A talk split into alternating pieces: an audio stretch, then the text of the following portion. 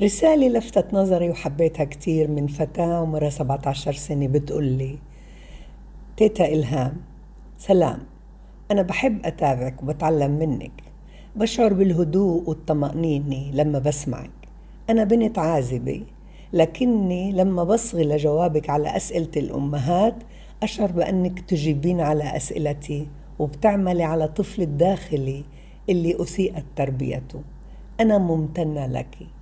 وعدتها أني لازم أذكر هاي الرسالة ولازم أحكي بموضوعها لأنها كتير رسالة دافية وحميمة.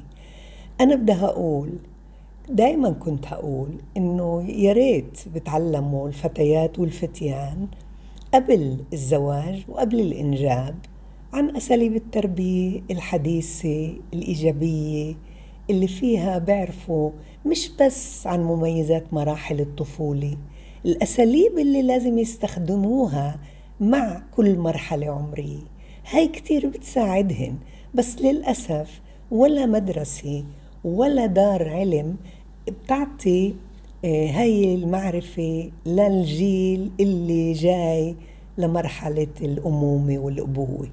وأنا دايما بقول إنه الدورات اللي أو الحصص أو الصفوف اللي بتتعلم هذا الموضوع بتصير هي زي ما حكت هون تقول أنا بكون مبسوطة وبشعر بالهدوء والطمأنينة لما بسمعك. يعني قاعدة بتعرف ولما بتعرف بتزيد المعرفة تبعتها وبتصير تخزنها ولما تصير أم ولما يصير أبو هذا أسلوب اللي بصير يستخدمه ومقتنع فيه. قبل ما يفوت في التجربة وبالخبرة العملية يعني تعلم النظري قبل ما يفوت بالعملي وصار يعرف أكثر وصار بحب الاستطلاع على أنه يفتش كمان على معرفة أوسع في كيف كل حالة كيف أتعامل معها.